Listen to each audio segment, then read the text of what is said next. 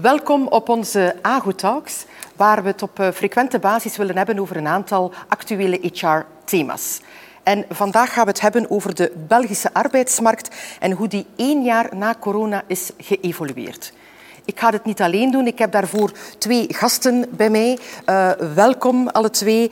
Uh, Steen Baart, professor arbeidseconomie aan de Universiteit van uh, Gent. En Christophe de Smet, CEO van AGO Jobs HR.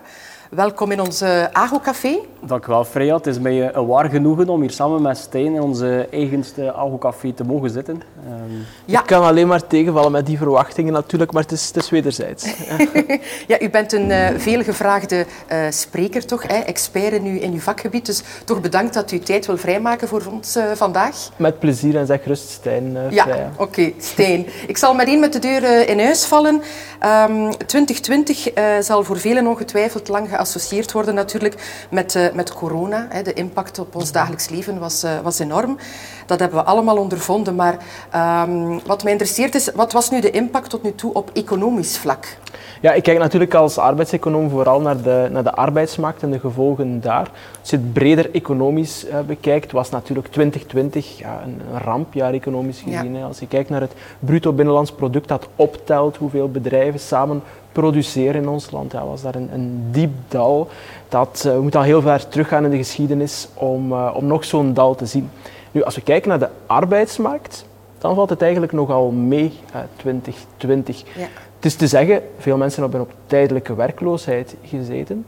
Maar wat we niet hebben gezien is een enorme toename van de werkloosheid. Mensen die definitief een baan verloren hebben. Als we dat proberen vatten in één cijfer, de werkzaamheidsgraad, waar, waar veel over te doen is in de media de laatste jaren, dan is die in het Belgische, op het Belgische niveau gedaald van 73,6 procent onder de 25 tot 64-jarigen die aan het werk waren in 2019 mhm. naar 73,5. Dus dat is al achter de 0,1 uh, procentpunt minder. Dus dat is een heel klein verschil wat aangeeft dat heel weinig mensen definitief een baan verloren zijn, of dat dat toch gecompenseerd is door mensen die een nieuwe baan gevonden hebben. En daarmee is België zo wat het meest stabiele land van, uh, van Europa ja, geweest. want dat is wel interessant om te weten, hoe doen wij het eigenlijk mm -hmm. in vergelijking met uh, onze Europese collega's? Ja, wij zijn heel stabiel gebleven. Dus die werkzaamheidsgraad is, is op hetzelfde niveau gebleven. Als je dat vergelijkt bijvoorbeeld met een gidsland als Zweden, waar wij altijd met grote ogen naar kijken, ja, die hebben een veel grotere klap uh, te verduren -hmm. gekregen. Er zijn ook landen die vooruit zijn gegaan in een moeilijk uh, jaar, waar de werkzaamheidsgraad is gestegen, in Polen bijvoorbeeld. Maar wij zijn heel stabiel gebleven, met dank aan al die steunmaatregelen die de ja. regeringen genomen hebben. Ja, oké. Okay. En als ik even de vraag stel aan, aan Christophe, hoe heeft de AGO 2020 ervaren? Ik denk dat, dat ik die vraag eigenlijk kan beantwoorden vanuit twee optieken. Uh, enerzijds de optiek van, van AGO zelf, AGO als bedrijf, maar dan ook anderzijds uh-huh. vanuit als, als bedrijf zijnde heel dicht uh, bij de interimsector uh, uh-huh. aan te leunen om te kijken van hoe dat wij die zelf bij onze klanten ervaren hebben. Dus als we eerst kijken naar, naar AGO, ja, sowieso 2020, een, een uniek jaar. zelf was ik pas ook gestart, na twee maanden is die coronacrisis okay. er. Zie je de, het is gewoon een verwelkomingscadeau. Een heel mooi ja. cadeau, heel mooi cadeau. Zie je plots 40% daling mm -hmm. en het interimvolume waren ook de cijfers van de markt. Dus daar zijn wij samen mm -hmm. met, de, met de markt mee naar beneden geëvolueerd. Ook ergens heel veel steun kunnen hebben dan van die tijdelijke werkloosheid, collega's uh, op overmacht. Mm -hmm. Maar voortdurend aan monitoren, wat gebeurt er? Hè? Want vanaf juli eigenlijk kwamen ook de, de cijfers in de pers dat de vacatures eigenlijk alweer op het niveau stonden van pre-corona. Dus dat was het eigenlijk vooral snel schakelen om heel snel okay. terug uh, die draad op te pikken. En ik denk dat dat een beetje aanleunt dus bij het verhaal dat u brengt, dat we daar eigenlijk heel snel hebben gemerkt dat die, dat die markt genormaliseerd is. Mm -hmm. uh, dat is dan okay. eigenlijk voor, voor, uh, voor AGO zelf. Als je en, dan en kijkt... het, het, het, snel schakelen, zeg je, heeft dat eigenlijk een beetje de, de push gegeven zeker, aan... Zeker, want, want, uiteindelijk kom je dan opnieuw in die positieve spiraal. De mensen zijn blij, het trekt terug aan, het groeit mm. en dat creëert terug die positieve vibe, uh, die ook een beetje DNA is van AGO. Dus dat was wel okay. fantastisch om te zien hoe dat we plots die communicatie kon, konden geven van opnieuw zoveel mogelijk mensen op het schip in de plaats van uh, op uh, overmacht aan de zeiling te zitten kijken. Ja, dat was voor ons ook de, de katalysator om, om terug die groei aan te snijden. Als we dan kijken uh, naar de bedrijven, ja, zie je daar eigenlijk een heel grote tweedeling. Hè. De sectoren die harder dan ooit tevoren hebben gedraaid, mm. waar dat er heel veel zoektocht was naar Ehm, profielen die op dat moment ook schaars waren. En aan de andere kant dan, dan natuurlijk ja, sectoren die volledig stil lagen. Als we denken aan, aan de reissector, toeleveran uh, toeleveranciers van de reissector, mhm. of als we denken aan, mhm. ehm, aan de horeca, uh, natuurlijk daar ja, stond iedereen op overmacht en, en stond dat eigenlijk in de koelkast. Dus dat is eigenlijk die, die twee strijd die we daar gezien hebben. Maar als ik dan concludeer, moet ik toch zeggen dat we vrij snel opnieuw naar een niveau van vacatures gekomen zijn, waar we merken dat er toch heel veel vacatures openstaan, waar dat het eigenlijk toch weer schaarste is uh, op de kandidaat. Absoluut, en dat is natuurlijk wel heel opvallend dat je, dat je een nooit geziene crisis hebt, bij wijze van spreken, economisch. Maar dat tegelijkertijd, als je gewoon een, op het toppunt van de crisis, je ging naar vdab.be eh, en je ging daar gaan kijken naar, naar de vacatures, omdat dat uh, nu eenmaal onze centrale speler is, ben ik daar vaak naar gaan kijken. En dan zag je daar nog 120.000 vacatures die daarop stonden. Sommige gaan misschien dubbel geteld zijn en zo verder. Maar als, allez, als beeld van een, een, crisis en tegelijkertijd vacatures die er heel veel zijn en die heel moeilijk ingevuld geraken. Dat zegt wel iets over onze, onze arbeidsmarkt en dat die, dat die krapte niet eens weggespoeld is. Uh, geeft aan dat dat een, een een kernprobleem of een kernuitdaging is misschien beter uh, voor, onze, voor onze arbeidsmarkt is. En in, dat opzicht legt de coronacrisis ook wel een vergrootglas op een aantal zaken, waaronder die krapte. Als ze niet eens verdwijnt in een, in een crisisperiode, ja, dan is het wel duidelijk dat je ook naar het beleid moet durven zeggen van ja, hier is wel een en ander nodig mhm. eh, om, uh, ja, om, om, werkgevers ook, ook te helpen dat zij aan de, aan de mensen komen. Maar gelukkig is de, de, de veerkracht van, van professionele ondernemingen die aan die, aan die matching helpen. En men had kunnen zeggen, ja, wat, een, wat, een, wat een schok, we, gaan direct in het defensief, uh, we gaan zelf mensen laten gaan, want we hebben minder vacatures te vullen. Maar nee, die veerkracht is toch uh, enorm geweest. Ik zie die bij jullie, maar ik zie die bijvoorbeeld ook in, in de horeca. Uh, mensen moeten zich in allerlei bochten wringen om toch te kunnen openen. Ze zijn lang gesloten geweest, maar ze doen het toch mhm, maar. Uh, en dat is, dat is onze sterkte ook geweest, denk ik. die, die, die snelle relance is er niet zomaar gekomen. Ja, ik, ik merk toch wel een, een uh, min of meer positieve uh, mening, mm. of, of, of overdrijf ik het nu een beetje? Dus te zeggen, als je spreekt over, over uitdagingen, betekent het ook tegelijkertijd dat er dingen beter kunnen, maar dan is dan eerder op een, op een beleidsniveau waar ik denk dat uh, het, het woord voor de komende jaren volgens mij in het beleid zal ook wel mismatch worden. Hè? Dus je hebt die vacatures aan de andere kant, je hebt werkzoekenden uh, ook. Mhm. Maar die vinden elkaar soms moeilijk. Je hebt mensen die langdurig uh, werkzoekend zijn en langs de andere kant vacatures die maar niet gevuld geraken. En dat zegt voor mij ook wel dat we hebben lang een, een, um, een kernboodschap gehad in ons beleid van jobs, jobs, jobs. Dat dat een beetje toch heropleiden, heropleiden, heropleiden zal moeten worden. Zodanig dat je mensen die uh, met hun opleiding of met hun ervaring niet direct inzetbaar zijn, dat je die wel richting die openstaande vacatures uh, gaat, gaat krijgen. Ja. Absoluut. Want ik denk, Christophe, dat dat uh, vanuit AGO inderdaad ook een gelijkaardige ervaring is. Hè?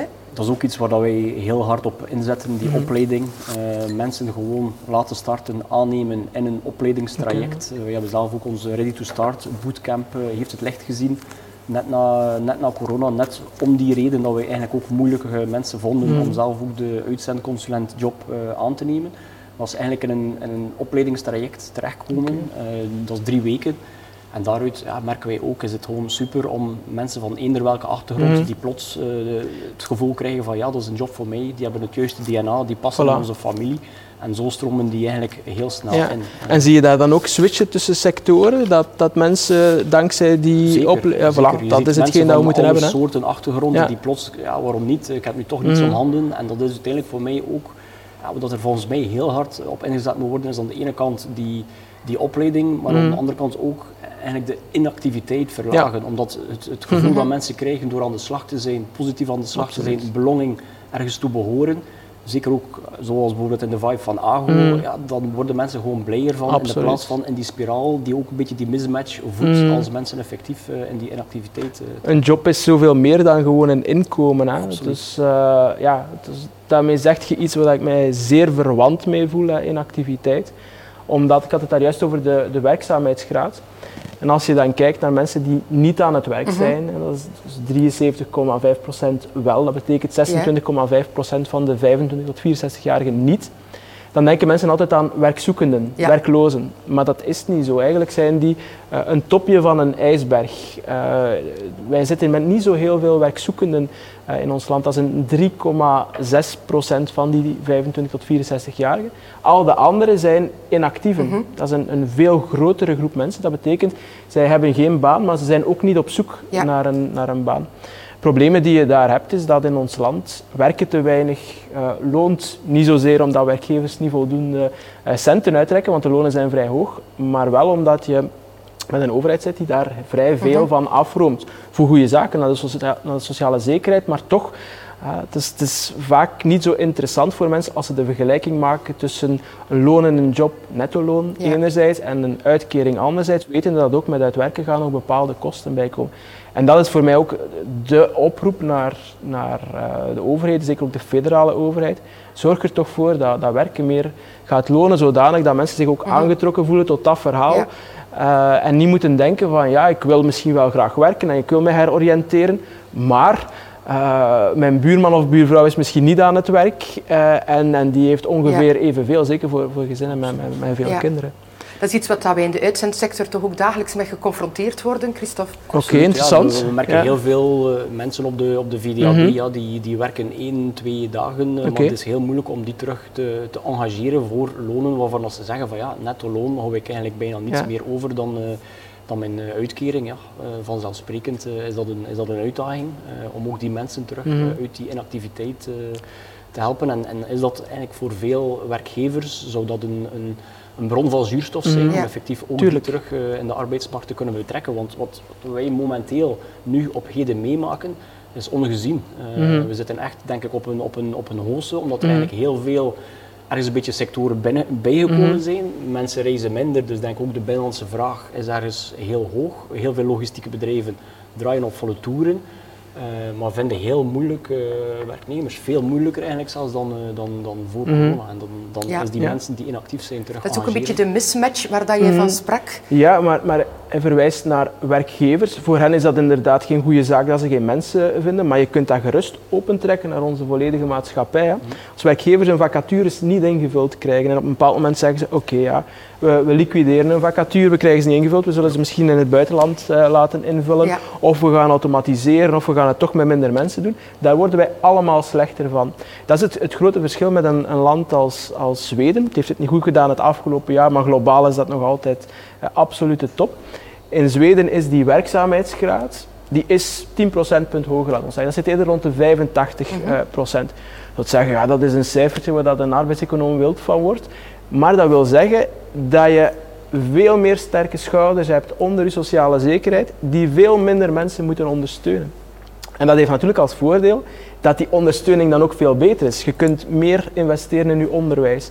De mensen die uh, inactief zijn, bijvoorbeeld door ziekte, um, later ook door, door pensioen, kun je een beter pensioen geven, kun je, kun je, kun je betere ziekteverzekering geven, zonder dat degenen die dan werken meer belasting moeten betalen. Ja. Want ze zijn met meer, dus je kunt eigenlijk met hetzelfde belastingniveau per kop kun je veel meer gaan mm -hmm. doen. Dus het is niet alleen een verhaal van werkgevers die hun vacatures niet ingevuld krijgen, maar ja, ook, ook maatschappelijk gezien een, uh, ja, een, een, heel belangrijk verhaal dat, dat veel meer kwaliteit zou kunnen geven aan de mensen. Als je meer sterke schouders onder je sociale zekerheid ja. krijgt, wordt iedereen daar beter van. Ja, ik denk, zoals je net ook zei, je werken echt opnieuw attractiever mm -hmm. maken. Want het is, zoals je daarnet ook zei, veel meer dan die verloning alleen. Het is echt uh, die sense of belonging, ergens mm -hmm. te behoren. Absoluut. Uh, collega's hebben, mensen dat je ja, samen mee een keer een afterwork kan doen. Ja, die Tuurlijk. dingen maken het allemaal zoveel fijner dan, uh, dan gewoon van een uitkering te, ja. te, moeten genieten.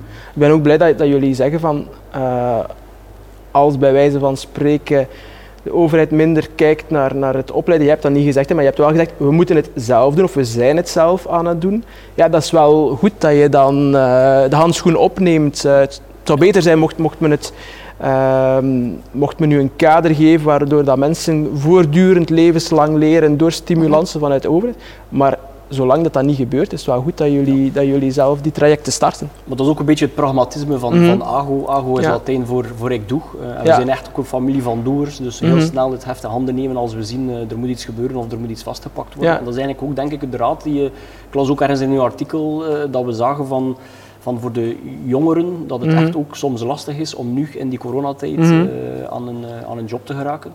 ja, dat het in die optiek ook goed is om eigenlijk voor de jongeren hun heft in eigen handen te Mhm. nemen en echt eh, die jobs... eh, Ja, ja, jongeren. eh, de verwachting was daar inderdaad dat zij het zeer moeilijk gingen hebben, maar uit de cijfers bleek het nogal mee te vallen.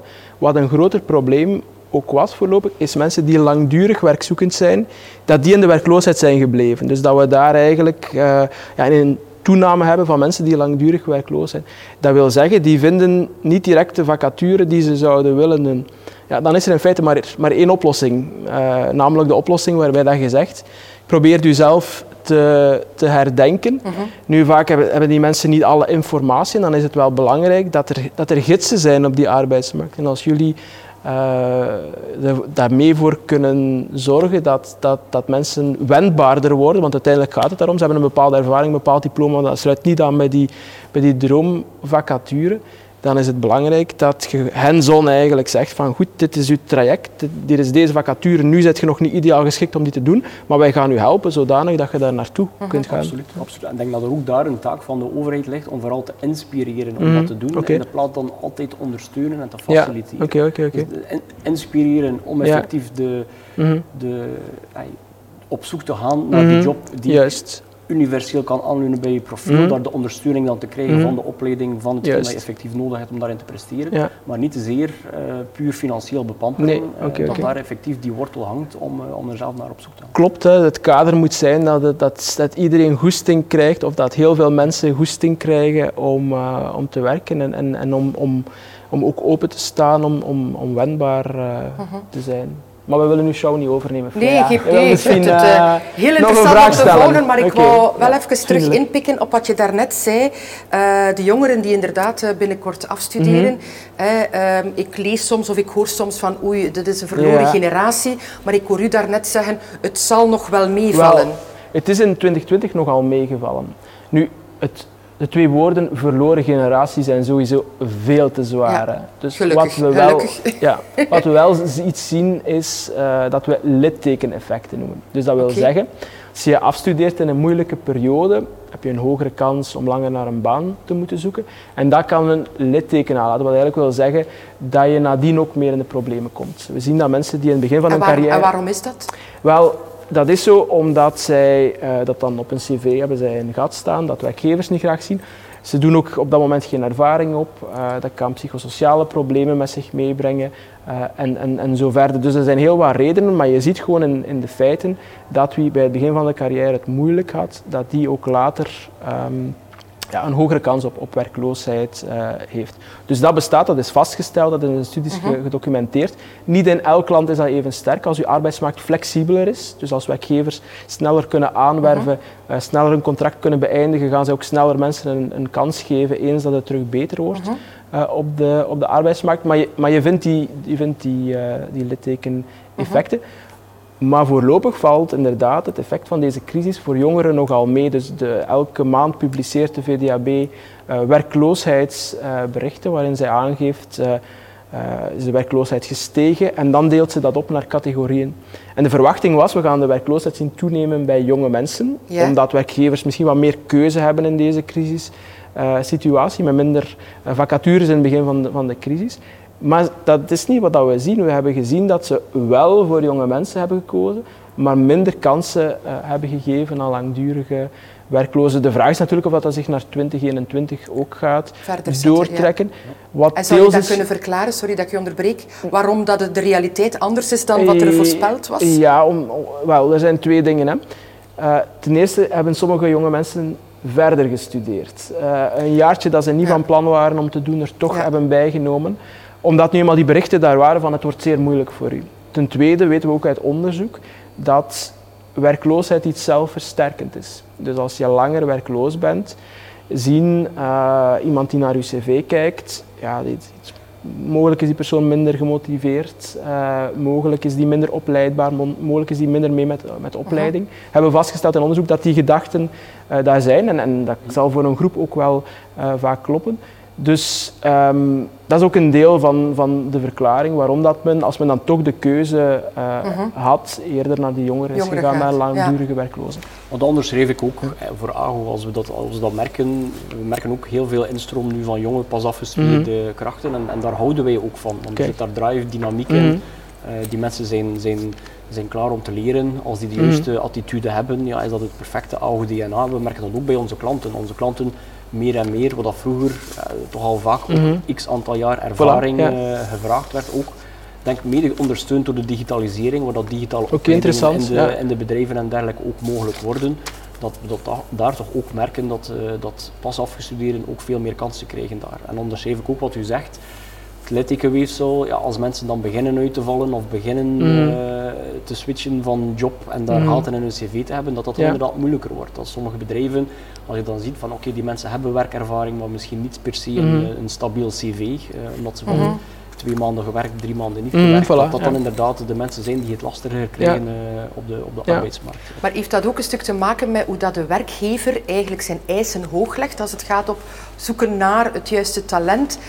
Legt de werkgever de eisen te hoog? Merken wij dat bij onze klanten of net niet? Je, je merkt daar ook de, de aanpassing van de, van de eisen. Hè. Uh, dat is ook een beetje de, hoe dat de vraag en aanbod uh, daarin mm evolueert. Ik denk dat we eigenlijk in het begin van de corona zag je die eisen heel hoog liggen en was dat effectief ook haalbaar, omdat er heel veel krachten beschikbaar waren en de mensen die dan bereid mhm. waren om, om een stap te maken, konden ook relatief makkelijk die stap maken. Maar nu merk je, zit er terug heel veel krapte op de arbeidsmarkt. Mhm. Als je wil dat die ja, dat die lijnen blijven draaien of dat, die, dat die jobs bemand blijven zijn, ja, dan moet je gewoon de kracht hebben. En dat wordt al soms rapper keer gezegd van ja, het is goed ze mogen starten, uh, omdat die druk zo mm. hoog is dat dan inderdaad de, de, ja, de vereisten toch uh, iets lager komen. Maar ik vind het een zeer interessante hypothese wat je zegt, dat, dat door uh, de versnelling van de digitalisering en zo verder, dat dat in het voordeel zou, zou kunnen spelen van, van de jonge mensen die afgelopen jaar op de arbeidsmarkt zijn. Kijk, dus je hebt een verklaring die ik niet bedacht had, die we kunnen onderzoeken, maar die, die een grote kans van... uh, ja, van dat is ook iets dat wij heel hard proberen in te zetten op, als we mensen, we moeten heel snel instromen in productieprocessen en, mhm. zaken waar dat je plots de, de productielijnen moet zien, ja, dat we ook daar mee kunnen met digitalisering, wat je vroeger mhm. de eerste keer kan je die lijn maar zien als je effectief uh, de firma binnenstapt, terwijl dat, dat nu ook mogelijk wordt om daar eigenlijk werkplek leren of video's mm -hmm. op voorhand van, uh, van te delen op een beveiligde manier waar de mensen echt al het gevoel hebben van ah, dat is het type job die ik zal moeten doen en daar dan ook veel mhm. sneller ook de, de performantie halen die, uh, die, de, die de vaste werknemers uh, Nu, even terug naar, naar het begin. Uh, het blijkt allemaal nog wel mee te vallen tot nu mhm. toe, mede dankzij steunmaatregelen enzovoort. Hoe voorspelt u? Wel, ja, voorspellen is, is moeilijk in deze. Het is een, is een uh, onderzoek is, is typisch gebaseerd op, op data van het verleden en die wordt dan wel gebruikt om voorspellingen te doen.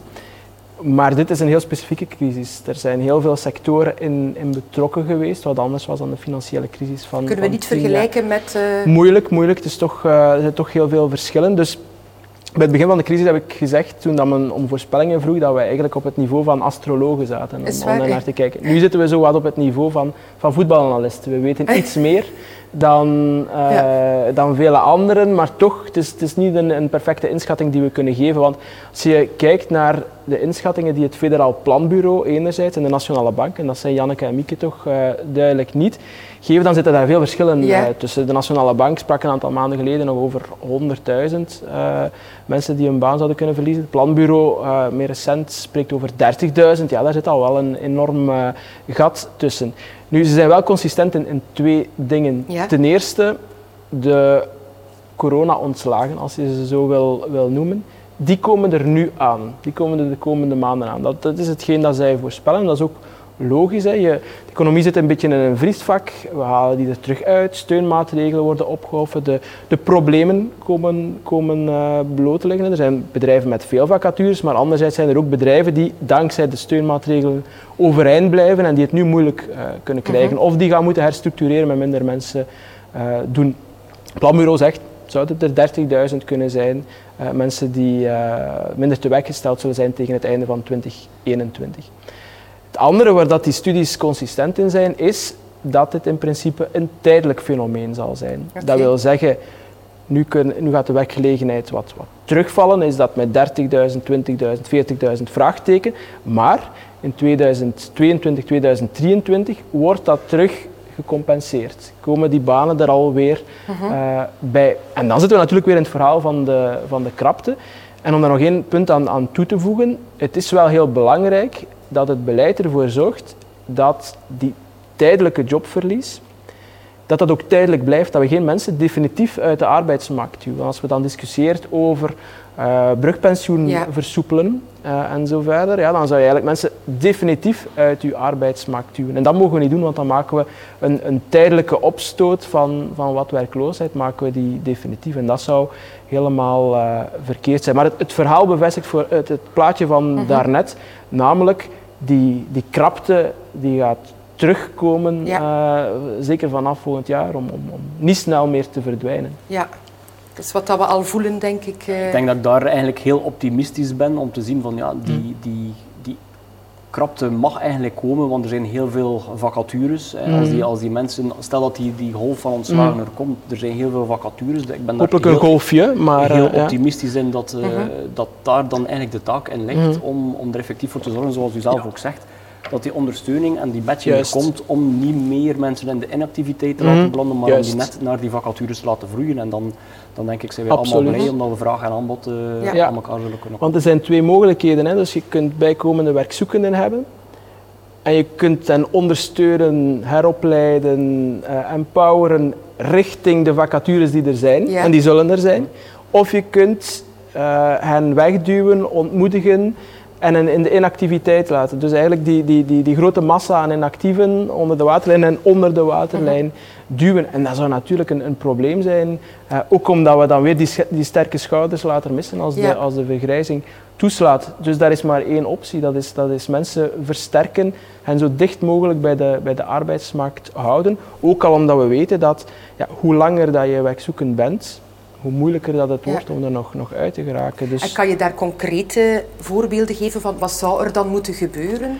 Ja, dat is, dat is, dat is een beetje het verhaal van dat heropleiden. Hè. Dus, dus als mensen op de, uh, op de markt komen, dan kun je hen voor maanden laten zoeken naar een baan die in het verlengde ligt van een diploma en van een ervaring. Of je kunt snel genoeg schakelen naar denken van wat zijn de sectoren van de toekomst, waar zijn de vacatures en hoe kunnen we uh, die, die mismatch die er wat is, -huh. via, via opleiding proberen verhelpen. En hoe, hoe, hoe, zorgen we ervoor via hervormingen op onze arbeidsmarkt dat mensen ook die wendbaarheid willen uh -huh. hebben. Als we um, in onze begeleiding te mild zijn, bij wijze van spreken, en meedenken enkel in functie van een job die ze kennen en waar dat ze ervaringen hebben, ja, dan is dat minder goed dan wanneer dat je hervormingen doet, waardoor dat mensen sneller gaan ja. uh, schakelen in, in, trajecten van, van opleiding op de werkvloer gaan, gaan, gaan ja. stromen. Dus absoluut beide, opnieuw die opleiding, maar ook het andere punt van ervoor te zorgen dat de, de incentivisering naar werken ten opzichte van niet werken, dat die mm, de juiste balans absoluut. krijgt. En ja. die twee, die twee uh, samen creëren vuurwerk, denk ik. En dat betekent natuurlijk ook dat je moet nadenken, mijn zinziens, over hoe dat je lasten verschuift, weg van arbeid naar consumptie, vervuilende consumptie uh -huh. uh, en zo verder. En dat wordt een groot vraagstuk ook voor de, voor de federale regering. Ja. Dat is niet aan ons om het op te lossen. Nee. Dat is nee, gelukkig nee. niet aan ons om het op te lossen, maar ik hoor hier toch een aantal uh, positieve noten. Ja, en we zijn het veel eens. Hè? Heb je ja. geen stoute vraag voor ons? Wat we, nee, nee. Dat we straks aan de bar kunnen doen. ja. ja, ja, misschien over voetbal of zo, dat we het daar ja, kunnen oneens zijn. Een ja. pronostiekje voor, voor, voor het TK. Je maakte daarnet de vergelijking Oei. met voetbalanalisten. Ja, ik ben, ik ben meer een volger van nationaal voetbal. Um, dus ik luister misschien naar, naar, naar, het nationaal voetbal, de nationale competitie. Ik ben ander licht supporter, als ik dat in ja, deze gebouwen mag uh, zeggen. Ja, vanzelfsprekend. Ja, ja, van, ja. van ons oude KV Kortrijk. Dus, uh, nee, ik hoop toch dat we de halve finale geraken. Okay. Als, uh, en eigenlijk waarom niet de finale? Waarom niet? We mikken hoog. Misschien we, mikken hoog. we gaan voor uh, winst. Hè. Uh, dank u wel uh, aan mm. beiden. Misschien nog uh, een laatste afsluitwoordje, conclusie, iets naar de toekomst toe. Ja, je hebt dat schitterend afgerond met te zeggen we mikken hoog. Maar dat geldt niet alleen voor het EK. Dat moet ook gelden voor onze, voor onze arbeidsmarkt. durven Uh, niet, niet denken aan, aan vroeger dat we, dat we lang wachten om mensen te heroriënteren, wendbaar te maken, maar zo snel mogelijk mhm. die kansen van die vacatures zien en hoog mikken. Uh, Er zit hier niks in het grondwater, waardoor dat die werkzaamheidsgraad zoveel achter moet lopen op Zweden, Nederland en zo verder. Durf daarop mikken en durf uh, daar hervormingen in die richting te doen. Oké, we mikken hoog, onthoud ik. Christophe? Ik ben heel optimistisch. Als we het doen en vastpakken, alleen ook met wat, uh, wat Steen daarnet zei, dan uh, komt het zeker goed. Dus uh, ik denk dat dat ook het signaal is naar de mensen, de beleidsmakers die daar ook mm -hmm. mee aan, ja. de, aan, de, aan, de, slag mee kunnen. Dat dat ja, zeker goed komt. De, de ja. toekomst er heel positief uitziet qua werkgelegenheid. We zien dat aan de vacatures. Mm -hmm. en we zorgen ervoor dat vraag en aanbod zal matchen. Hè. Ja. Eens. En dat past bij het AGO-DNA, denk ik, een optimistische blik op, eh, op de toekomst. Dus, absoluut, absoluut. Uh, okay. Altijd positief. Het Goed. tegendeel had ons verbaasd. Ik zie het helemaal zitten. Dank, Dank u wel, voor jullie komst ja. en uh, graag tot uh, een volgende keer. Met plezier.